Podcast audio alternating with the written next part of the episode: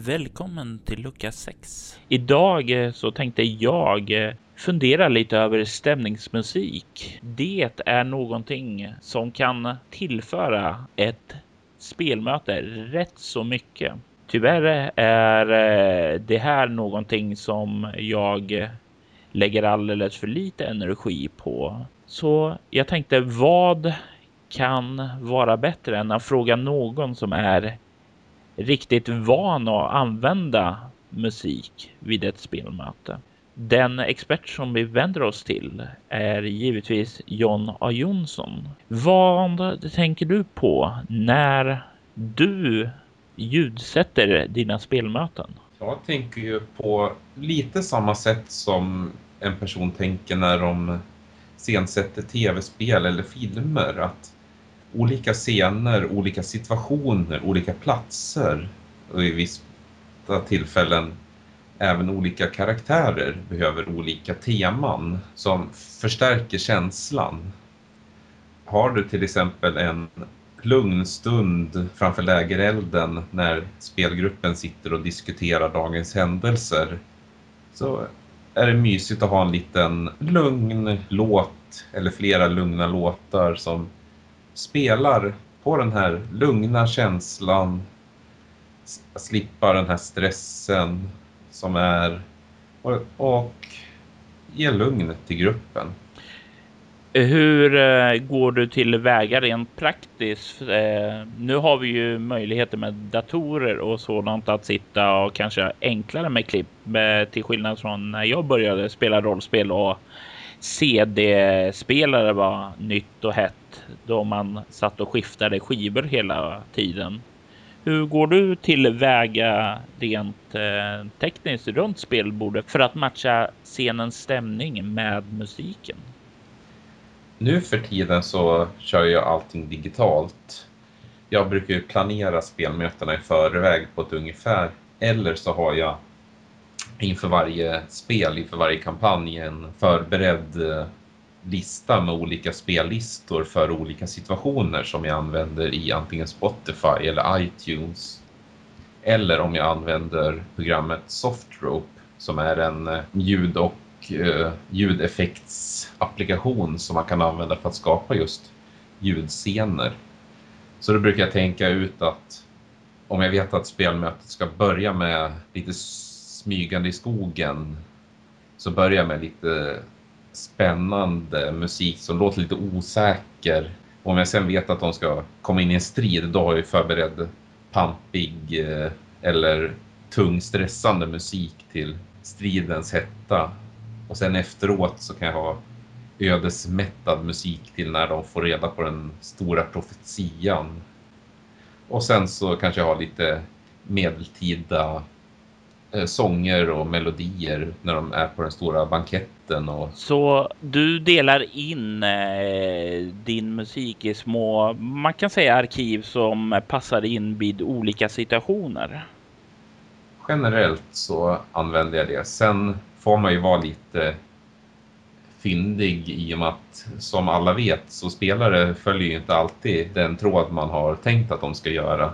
Så man får ju vara lite beredd på att improvisera när spelgruppen får för sig att göra någonting annat istället. Så man får ju sitta och ha koll på låtar man har hört tidigare att och nu ska spelarna göra det här har man planerat och så gör någonting annat. Och så kommer man på, just ja, men jag har ju en låt som skulle passa vid det där och då på ett snabbt och smidigt sätt ta fram den utan att spelgruppen ska bli lidande för att man sitter och googlar för att leta rätt på passande musik. Jag har en del minnen där musik har spelat väldigt stor roll.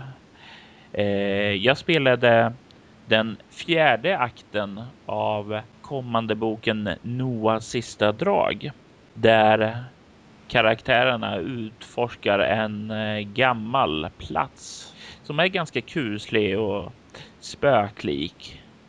På den här tiden var det CD-skivor och sådant som gällde, så jag hade bränt eh, från flera av eh, John Carpenter albumen. Så jag hade plockat de mest kusliga och rysliga musiken jag hade.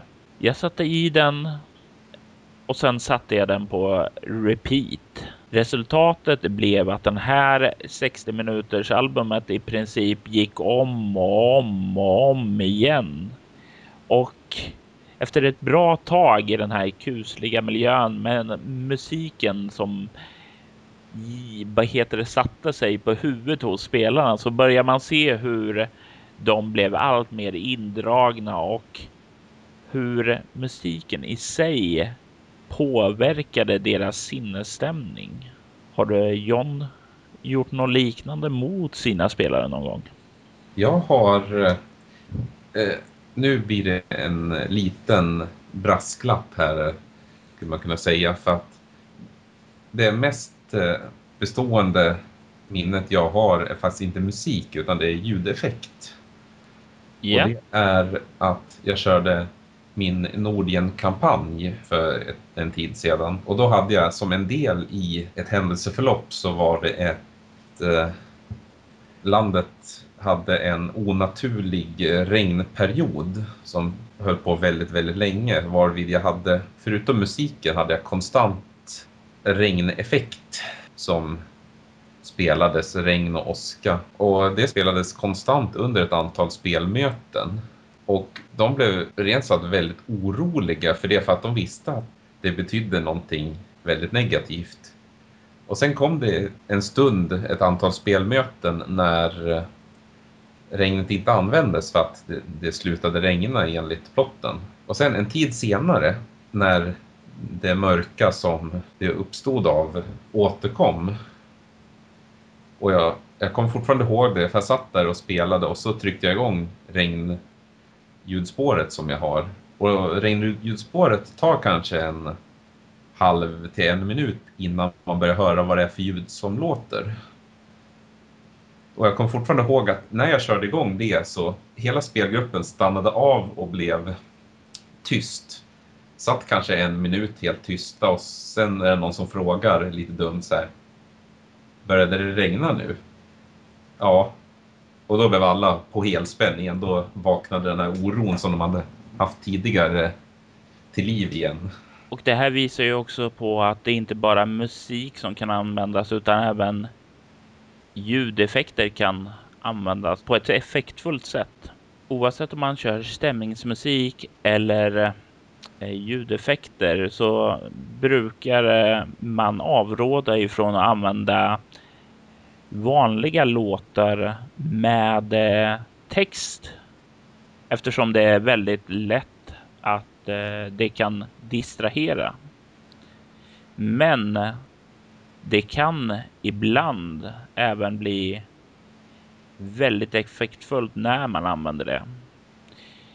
Jag eh, håller på att spelleda en kampanj som heter Morgan High där karaktärerna spelar en, eh, ja, ett par tonårsstudenter. Eh, De har spelat den under ett par års tid och gjort ganska många relationer och kontakter. Och de var instängda i en gammal herrgård där en av deras klasskamrater och tillika en av karaktärernas flickvän.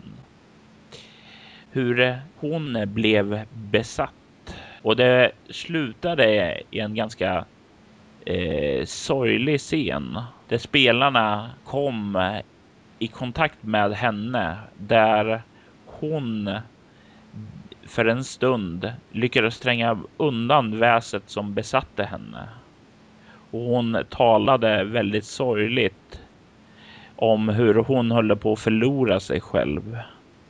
Och hur hon började att känna hur minnena försvann från henne. Hon började glömma av de andra karaktärerna och mindes snart ända sin pojkvän. Hon bad med gråten i halsen att han skulle ta hennes liv eftersom hon inte ville förvandlas till det monster som besatte henne var. Och för mig när jag skrev akten till spelmötet så var det här någonting som jag gjorde med eh, Lalés eh, låt som Die Young i öronen.